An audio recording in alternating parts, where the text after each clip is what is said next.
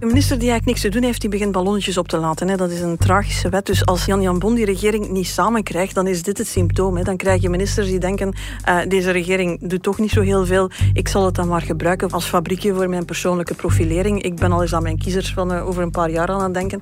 Een nieuw punt van Van Impe, dat is nog eens een goede reden om naar Antwerpen te trekken. Daar heb ik, zoals elke week, een afspraak op de redactie van het Nieuwsblad met hoofdredacteur Liesbeth Van Impe. Dag Liesbeth. Dag Jeroen.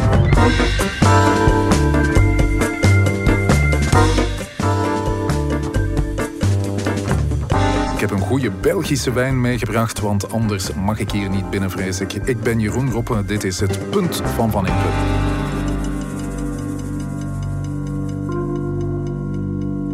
Ik hoop tenminste dat hij goed is, want ik heb hem zelf nooit gedronken. Het is een uh, Grüner Veltliner, een Oostenrijkse druif. Is dat die... Een van mijn favoriete druiven voor, Jij kent hem, voor ik kende wijn, hem absoluut. niet. Hij wordt uh, in België ook aangeplant door het wijnkasteel van Deurzen uit het, Linden. Het is dat dat mij opviel. Dat ik dacht van dat we die niet eerder hebben zien passeren, want Van Deurzen dat is een naam die wel bij een politieke podcast hoort. Allee, Inderdaad, hij is met pensioen, maar niet zo lang geleden hadden we een minister die heette Jo van Deurzen. Dit is heel verre familie, denk ik. Urbain van Deurzen. Oeh, die kennen we dat ook is nog. een uh, ondernemer die een bedrijf heeft dat uh, doet in uh, software voor uh, ruimtevaartuigen, vliegtuigen. Um, en die houdt zich bezig met wijn ook. Het is een beetje zijn speelgoed. Ik Pure geloof dat dat een voormalige wijn. voorzitter van VOCA is. Dus ja, dan kan wijnbrouwen wel eens een, een fijne hobby worden. Inderdaad. School Lisbeth, we drinken deze Gruner Veltliner van het van Deurzen wijnkasteel op onze gezondheid en op die van de politiek natuurlijk, want daar hebben we het uh, toch vooral over. Hè. Waar wil je vandaag een punt over maken? Wel, ik denk dat we niet rond energie kunnen. Daar staat van alles te gebeuren, dus daar willen we het uh, uh, slagveld even overschouwen. Ik um, wil het absoluut. Uh, ik wil niet rond de discussie over de sociale huisvesting. Die is in het Vlaams parlement gevoerd deze week. En we gaan eindigen met uh, mijn gekende comfortzone, de sport, zijnde Djokovic. Gelukkig gaat dat ook een beetje over corona en daar voel ik me iets meer in thuis. Ja, Djokovic, daar hebben we het ook over. We beginnen aan een nieuwe aflevering van het Punt van Van Impe op nieuwsblad.be en op de bekende podcastplatformen. Als ik sommigen van jullie hoor, het is eenvoudig. Je kan een maatregel doorvoeren. En de impact op de overheidsfinanciën, daar slaat men de pagina over toe. Premier De Croo op zoek naar oplossingen voor de peperdure energie. Want energie blijft maar duurder worden. Nu al gemiddeld 36% duurder dan een maand geleden. Gas kost zelfs gemiddeld drie keer meer dan een jaar geleden. Iedereen voelt dat. Jij ook, neem ik aan, Lisbeth, staat bij jou de verwarming al lager? Ik denk dat echt nu iedereen zijn thermostaat in de gaten houdt. Die voorschotten die omhoog gaan, die afrekeningen die over hallucinante bedragen gaan. Ja, dat is voor iedereen denk ik een, een slok op de borrel ongeveer. Maar je zit je ook wel te realiseren dat het voor een pak mensen echt gewoon het water aan de lippen moet staan. Dat het echt uh, beangstigende facturen zijn die in de bus vallen. Voor heel wat mensen is het uh, zelfs niet meer te betalen. En uh, voor heel wat mensen is er ook al een sociaal tarief de lonen worden ook uh, geïndexeerd. Maar er is duidelijk meer nodig. En dat maakt de politiek zenuwachtig, dat voel je. We zijn eigenlijk op uh, korte tijd gegaan naar Alexander de Croo, de premier in het parlement, die zegt van jongens, jongens, we moeten toch de begroting ook een beetje in de gaten houden. Ja, en, en dat hoorden we daarnet. Uh, dat een week daarnet. geleden was dat. Dat is nauwelijks een week geleden. En intussen is iedereen om het, het, het regent voorstellen vanuit de verschillende meerderheidspartijen, vanuit de oppositie. Het is een, het is een waar opbod dat bezig is. En het, ja, het magische codewoord is gevallen, hè, het toverwoord, hè, de middenklasse. Zolang het in de eerste golf dacht men het zijn de armsten die in de problemen gaan komen. We kunnen dat oplossen met een sociaal tarief. Dat zijn Ja. mensen die aan een voordeliger tarief kunnen uh, hun energie betalen. Vandaag voelen ze dat het ongeveer aan iedere ontbijttafel in, in Vlaanderen een, een gespreksonderwerp is, een bezorgdheid is.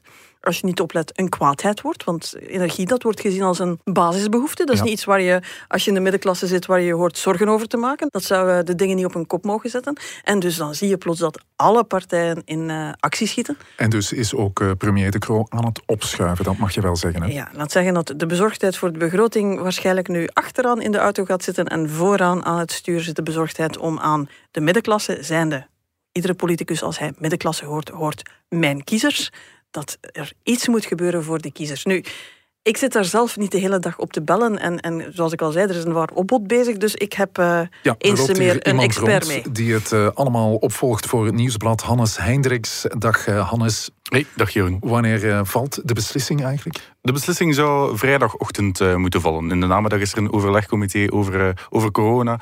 In de voormiddag gaat de regering nog overleggen over, over die energiefactuur, inderdaad. Ja. ja. En er zijn het, verschillende... het, het, zegt veel trouwens, hè, dat ze intussen liever naar buiten komen, eerst nog met een oplossing voor die energie. Die versoepelingen voor corona, die komen erachteraan. dat, is, dat is intussen de kers op de taart, maar ook niet meer dan dat. Ja, er zijn verschillende mogelijke oplossingen, verschillende pistes. Ik zie, Hannes, dat je een PowerPoint uh, voor je hebt liggen. Wat staat daar allemaal op? Ja, inderdaad. Dat is de PowerPoint die energieminister Tine van der Straten vandaag heeft doorgestuurd naar haar collega-regeringsleden. Uh, en wij hebben die, die PowerPoint te pakken gekregen. En daar staan een aantal voorstellen op die zij heel concreet uitdrukt in wat is de impact voor een gezin, puur geldelijk, en wat is de impact op de staatskas. Ook niet onbelangrijk als je de, de liberalen hoort. Ja. Dat vinden wij trouwens leuk. Als we al de PowerPoint hebben die de ministers ook gekregen hebben, dan hebben we het gevoel dat we op de eerste rij zitten en de debatten kunnen volgen. Ja, een idee waar eh, we al eh, heel lang eh, van alles over horen, is het idee van de BTW-verlaging. BTW brengen van 21 naar bijvoorbeeld 6 procent. Is dat een voorstel, Hannes, dat kans maakt? Ja, dat is eigenlijk de, de piste die vandaag het meest prominent op tafel ligt. Je had woensdag die commissie in het parlement waar MR zei, ja, voor ons die die btw-verlaging tijdelijk, dat kan wel. Ik heb ook bronnen gehoord binnen Open VLD die, het, eh, die hetzelfde zeggen. Dus eigenlijk ja, lijkt het er toch wel sterk op dat de regering richting die btw-verlaging aan het fietsen is. De vraag is alleen nog, ja, je had het over een btw van 6% op, op elektriciteit en gas. Welk percentage dat uh, precies wordt. Die 6% is eigenlijk het uiterste scenario waarbij de energiefactuur het, het, eh, het zwaarst uh, naar omlaag gaat, uh, laat ik het zo zeggen. Heb jij een idee hoeveel dat, dat ja, ja, een verschil gaat maken voor de gemiddelde burger? Het zou 5 à 600 euro zijn op de jaarfactuur. Dus ja, dat is wel een, een, een significant bedrag. Nu natuurlijk, de, de keerzijde van de medaille is dan dat je een impact hebt van 1,3 miljard op, op de begroting. Ja, er was ook uh, sprake, Hannes, van uh, een cheque. Uh, de PS had dat graag gezien. Een cheque voor de laagste inkomens en de middenklasse. Maakt dat voorstel nog kans? Wel, het is eigenlijk enkel de PS die binnen de regering die cheque nog bepleit. Dat is een cheque inderdaad van, van 200 euro. Nu, groenvoorzitter Meijer Almachi zei dat vorig weekend ook, op haar nieuwjaarsreceptie. Maar we horen toch dat energieminister Tine van der Straten binnen de regering eigenlijk dat voorstel niet verdedigd. Wat toch al redelijk eh, opmerkelijk is. Ook Tine van der Straten zit op het pad naar een btw-verlaging, maar wel een slimme btw-verlaging, zoals, uh, zoals het zegt. Een slimme en dus geen domme. Het is wetstraatcode. Een slimme, uh, een slimme maatregel, als een minister dat zegt, dan bedoelt hij wat al de rest voorstelt, dat is eigenlijk een domme maatregel. die, die ik uitgedokterd heb, dat is de slimme maatregel. Dus als een politicus zegt, met een slimme maatregel bedoelt hij mijn eigen voorstel. Ja, ik associeer die btw-verlaging met minister van Financiën, met uh, minister van Petegem. Hij kwam uh, als eerste met dat uh, idee. Betekent dat nu dat CD&V de winnaar is, Lisbeth? Eerst gaan we moeten zien wat eruit komt. Hè. Maar je voelt wel dat er een soort van positiespel bezig is. Ik denk dat, Hannes, dat je dat aan de telefoon ook heel goed hoort. Van wie mag hier straks de pluimen in zijn gat steken. Hè? Van Petegem was inderdaad heel snel met de, de, de btw-verlaging. Vooruit heeft zich in die slipstream gezet. Dus dat werd zo'n bijna half gemeenschappelijk voorstel. Je voelt aan de andere kant opbod. Uh, PS die zegt 200 eh, euro, want ja, dat is wel heel tastbaar natuurlijk. Dat is heel zichtbaar. N-VA gaat daar los over, zegt 500 euro voor de middenklasse, alleen voor de middenklasse.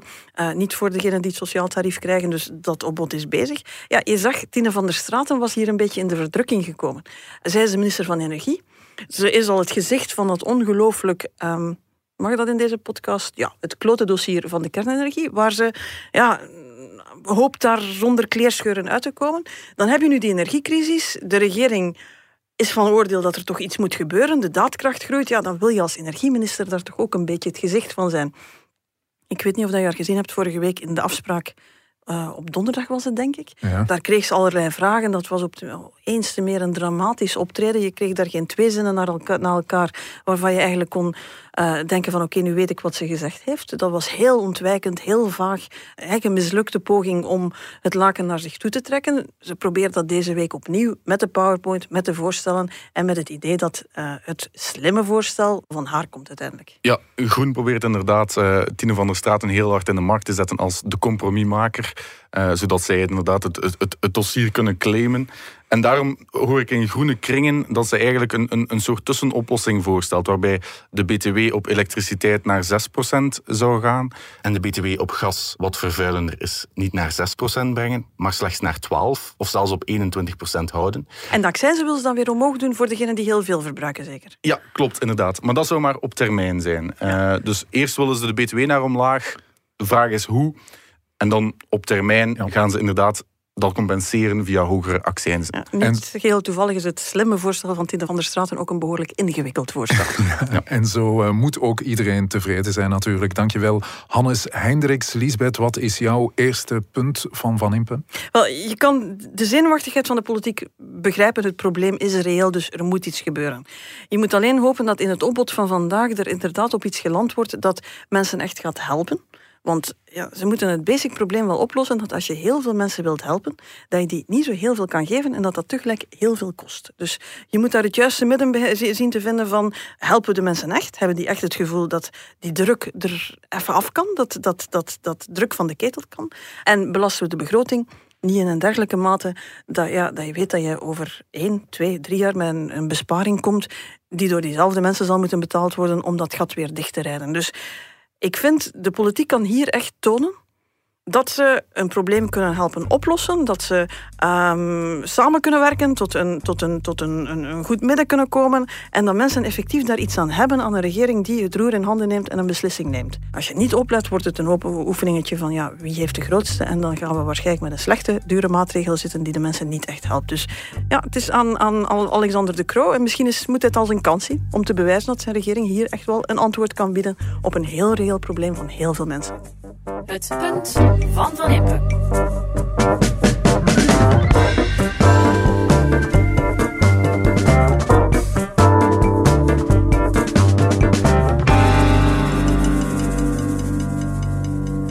Ik denk dat iedereen ervan overtuigd is dat we inderdaad ook iets moeten gaan doen voor die mensen die vandaag geconfronteerd worden met stijgende huurprijzen, maar geen recht hebben op een sociale woning.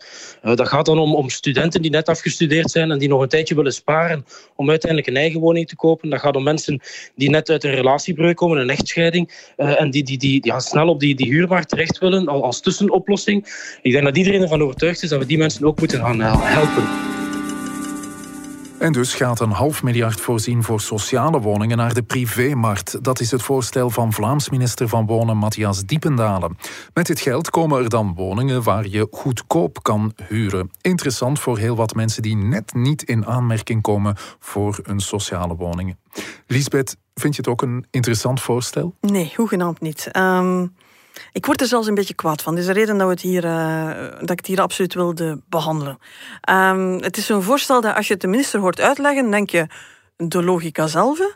Ja, want wat hij zegt is, ik heb hier een budget, het uh, geld geraakt niet op ja. om allerlei uh, Vraag 1, waarom geraakt het geld niet op? Had de minister misschien niet beter zijn best moeten doen om ervoor te zorgen dat dat geld wel kan uitgegeven worden? Maar goed, pas op. Ja, het is uh, natuurlijk een bekend fenomeen ook dat heel wat lokale besturen liever geen sociale woningen zien in hun Absoluut, gemeente, iets waar we de minister ongeveer nog niet over gehoord hebben. Hij zou nogthans een aantal van zijn partijgenoten burgemeesters kunnen aansporen om iets meer sociale woningen op hun eigen gemeentes um, te aanvaarden. Maar je moet hier een beetje uitzoomen. Um, België, Vlaanderen, is eigenlijk een, een beetje een gekke woningmarkt. We hebben altijd heel hard ingezet op je moet je eigen huis kopen wat zeggen we, het is de beste vorm van pensioensparen. En we zijn daar heel succesvol in geweest. 70% van de Belgen is eigenaar van het huis waarin hij woont. En soms nog van een paar huizen extra. Uh, dat maakt dat die, die huurmarkt eigenlijk heel klein is. Ja.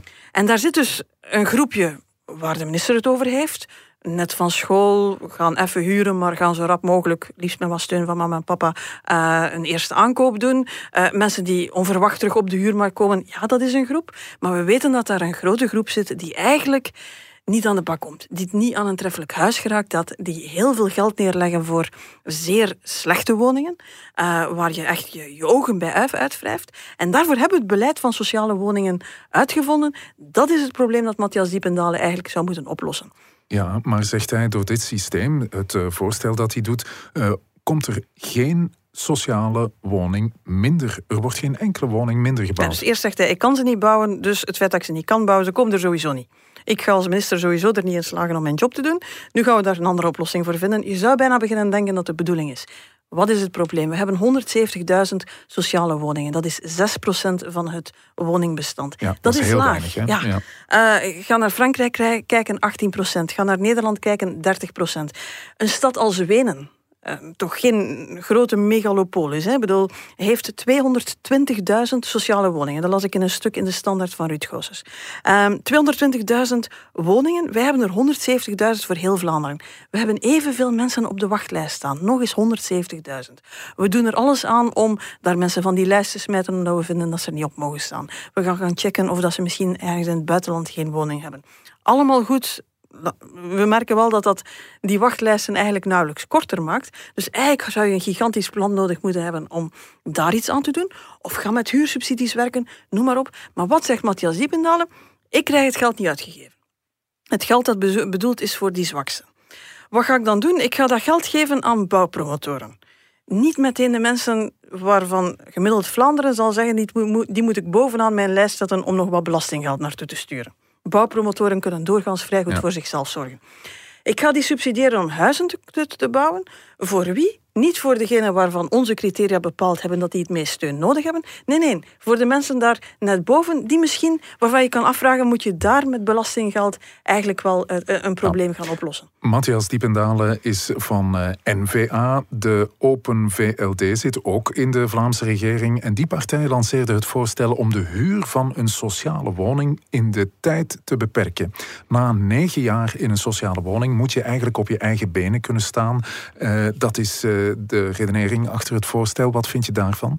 Wel, je zag dat de Open VLD een beetje zenuwachtig was. Hè? Dus Matthias Diependalen die heeft geld dat hij aan uh, de, de, de, de minstbegoeden moet geven en heeft een manier gevonden om het aan zijn eigen kiezers, zijnde de middenklasse, te geven. Wat denkt Open VLD? Kunnen wij dat ook? Kunnen wij ook iets doen om duidelijk te maken dat wij niet zomaar al dat geld geven aan mensen aan de onderkant van de samenleving, zoals ze dat dan zo mooi zeggen.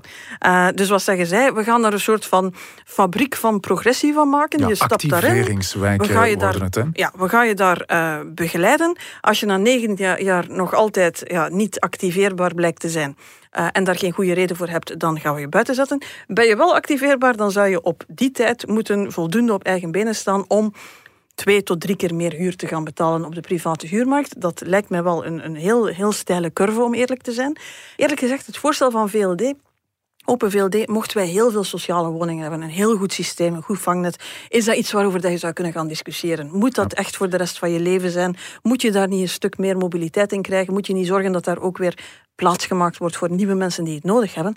Maar als je maar met 6% woningen zit, dan ga je toch niet een soort van gevecht tussen die mensen gaan, gaan ontketenen, die allemaal voor diezelfde woningen moeten gaan vechten. Allee, dan, dan zit je toch veel te dicht bij het cynisme. Ja, we hadden al NVA en Open VLD. Er zit nog een eh, partij in de Vlaamse regering, de CDMV. CDMV was eh, heel boos en vindt het plan echt niet kunnen. Uh, eh, 170.000 gezinnen wachten op een sociale woning. Dan kom je niet met dit soort voorstellen. Nee, ik moet zeggen, het is bijna verrassend. CD&V heeft hier echt zijn voet gezet. Uh, hij heeft eigenlijk uh, eerst bij monden van de voorzitter, Joachim Koens, vervolgens bij monden van hun uh, parlementsleden laten weten van ook Hilde Krevits, heel duidelijk, no passeran, dit gaan we niet doen. Het heeft een pittig debat opgeleverd in het Vlaams parlement, waarin dus niet alleen de oppositie zei van dit is asociaal beleid, met recht en reden, maar waar ook CD&V zei van sorry, dit staat niet in het regeerakkoord, Matthias Diependalen moet doen wat we afgesproken hebben, zijn de alles eraan doen om die, die, die woningnood, die sociale woningen gebouwd te krijgen. Dus uh, terug naar af zou je denken.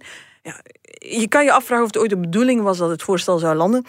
De, het debat in het parlement is geëindigd met Matthias Diependalen die zegt van uh, ja, het was eigenlijk maar een vraag om eens na te denken over wat we zouden doen als het geld niet uitgegeven raakt.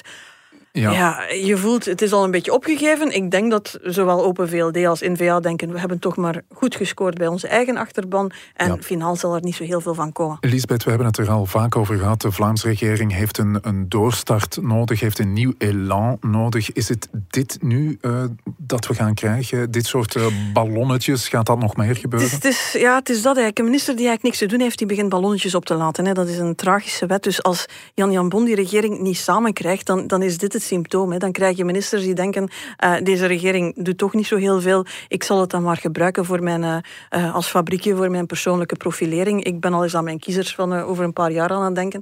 en ik heb toch maar weer mooi, mooi gescoord. Ik heb op de afspraak gezeten. Ik heb een interviewtje gegeven. Kijk eens aan, dat is toch een, een goede week werken. Als Jan Jan Bon zijn ploeg niet op één lijn krijgt op de belangrijke dossiers, dan gaan we dit soort ballonnetjes zien krijgen op willekeurige dossiers, omdat iemand even denkt van, hé, hey, ik heb een ideetje, ik laat het op de wereld los. Is dat het punt van Van Impe? De Vlaamse regering wordt alleen nog maar gebruikt voor persoonlijke profilering?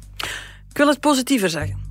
Ik heb daarnet gezegd, energie is voor de federale regering, wie weet ook voor de Vlaamse, een kans om te bewijzen aan de burger dat ze een verschil kan maken, dat ze een problematische situatie ten goede kan, kan keren. Een treffelijk woonbeleid, doordacht, goed uitgevoerd, dat effectief voor de mensen die het echt nodig hebben een probleem weet op te lossen, dat is nu eens een manier waarop een Vlaamse regering ook haar nut en haar meerwaarde zou kunnen bewijzen. Dus laat het een aansporing zijn. Het punt van Van Impe.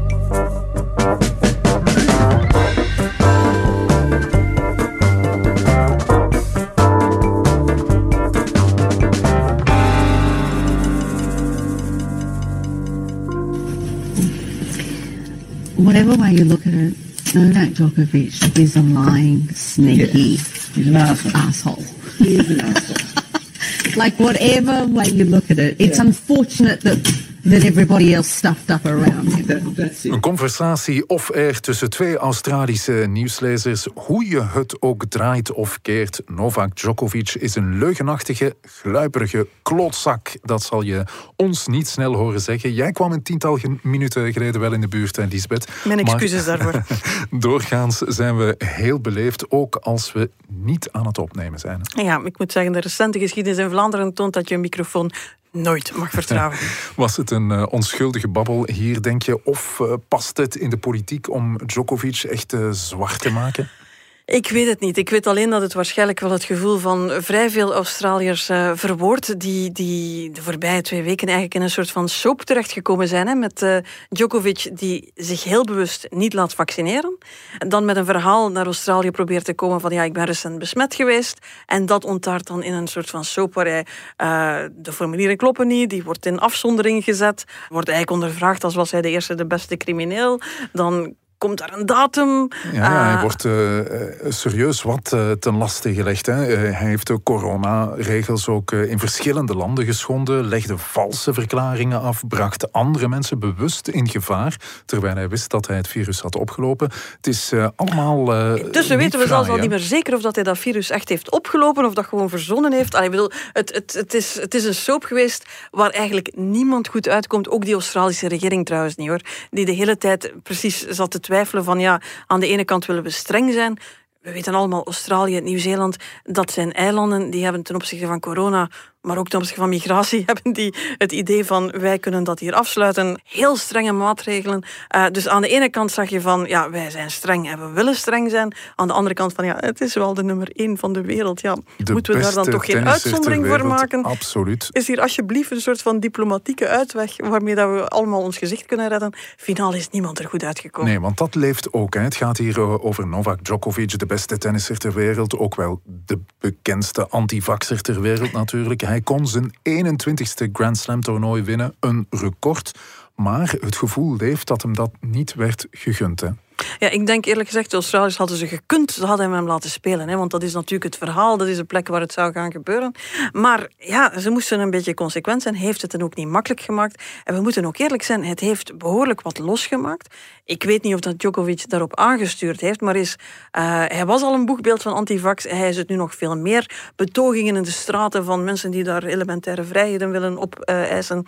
Uh, zijn, zijn de, de, de, de Servische politiek, hij is van Servië, uh, die zich ermee begint te mengen als een, als een ware staatszaak. Niet hoe- toevallig is de vaccinatiegraad in Servië ook eh, heel laag. Eh, ja, en het zal niet gebeterd zijn na deze passage. Nigel Farage, de, de stokenbrand uit Engeland, die eh, naar, naar Servië reist om zich daar te laten fotograferen met de ouders van Djokovic.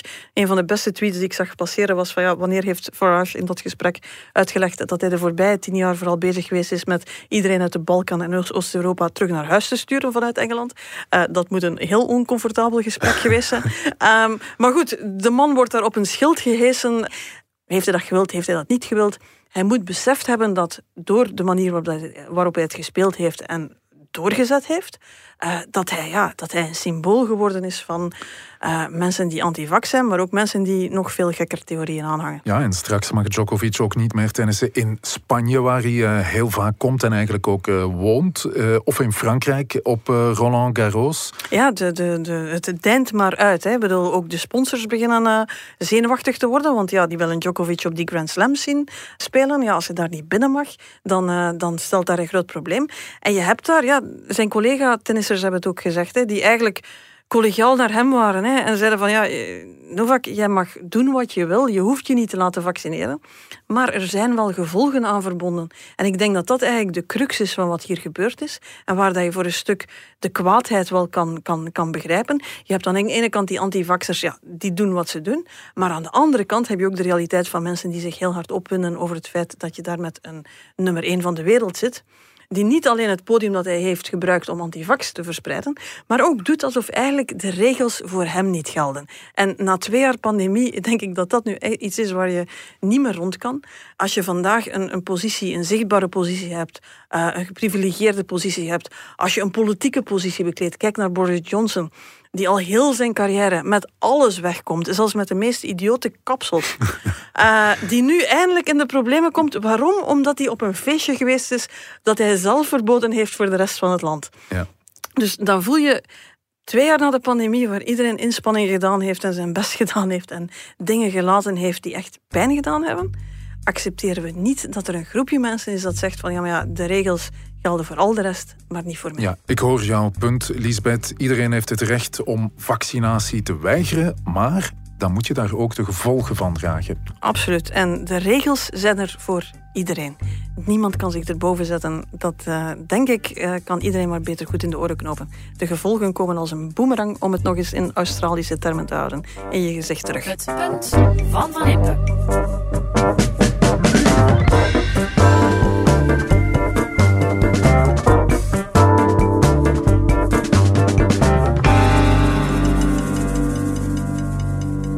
Lisbeth, eh, ik denk dat het eh, zover is. Ik denk eerlijk gezegd dat dit eh, de eerste punt van Van Impe is zonder dat we de naam eh, Georges-Louis Boucher hebben En nu heb vermeld. je het toch gedaan. Ja, moeten we ons nu eh, zorgen maken over Boucher, denk je? Ach, deze week ging het over energieprijzen. Volgende week zal het terug over kernenergie gaan. En dan zal Boucher helemaal terug zijn, denk ik. Dus Ja. nee, eh, laten we iedere week dat we het niet over corona of Boucher moeten hebben, koesteren als een zeldzaam juweel. Ja, en laten we het de volgende keer een hele uitzending proberen vol te houden. Oké, we drinken hier nog één glas eh Gruner Veltliner, de Pure White uit eh, Linden. En dan ga ik weer eh, naar Brussel onderweg. Eh, keuze genoeg om te luisteren naar de podcasts van het Nieuwsblad. Trouwens, ik moet nog altijd luisteren naar Seks verandert alles. Zeker doen. Maar ik ga vandaag kiezen voor Stemmen van Assise, denk ik. Hè, want dat is een must. Hè. Daar gaat het ook over de zaak waar iedereen over bezig is. de dood van de kleine Dien. En zij duiken daar in goede traditie in dat hele verhaal met alles wat ze intussen te weten gekomen zijn. Oké, tot eh, volgende week, Lisbeth. Tot het volgende punt van Van Impe. Dit was het Punt van Van Impe, een podcast van het Nieuwsblad. Je hoorde de stemmen van hoofdredacteur Lisbeth Van Impe, van Hannes Hendricks en van mezelf, Jeroen Roppe. Dank aan de VRT voor de audio, aan Pieter Schevers voor de muziek en aan Pieter Santes van House of Media voor de montage. De productie was in handen van Bert Heijvaart. Tot het volgende Punt van Van Impe. Heb je de andere podcasts van het Nieuwsblad al gehoord? Stemmen van Assise, de sportpodcasts, Shotcast en De Koers is van ons?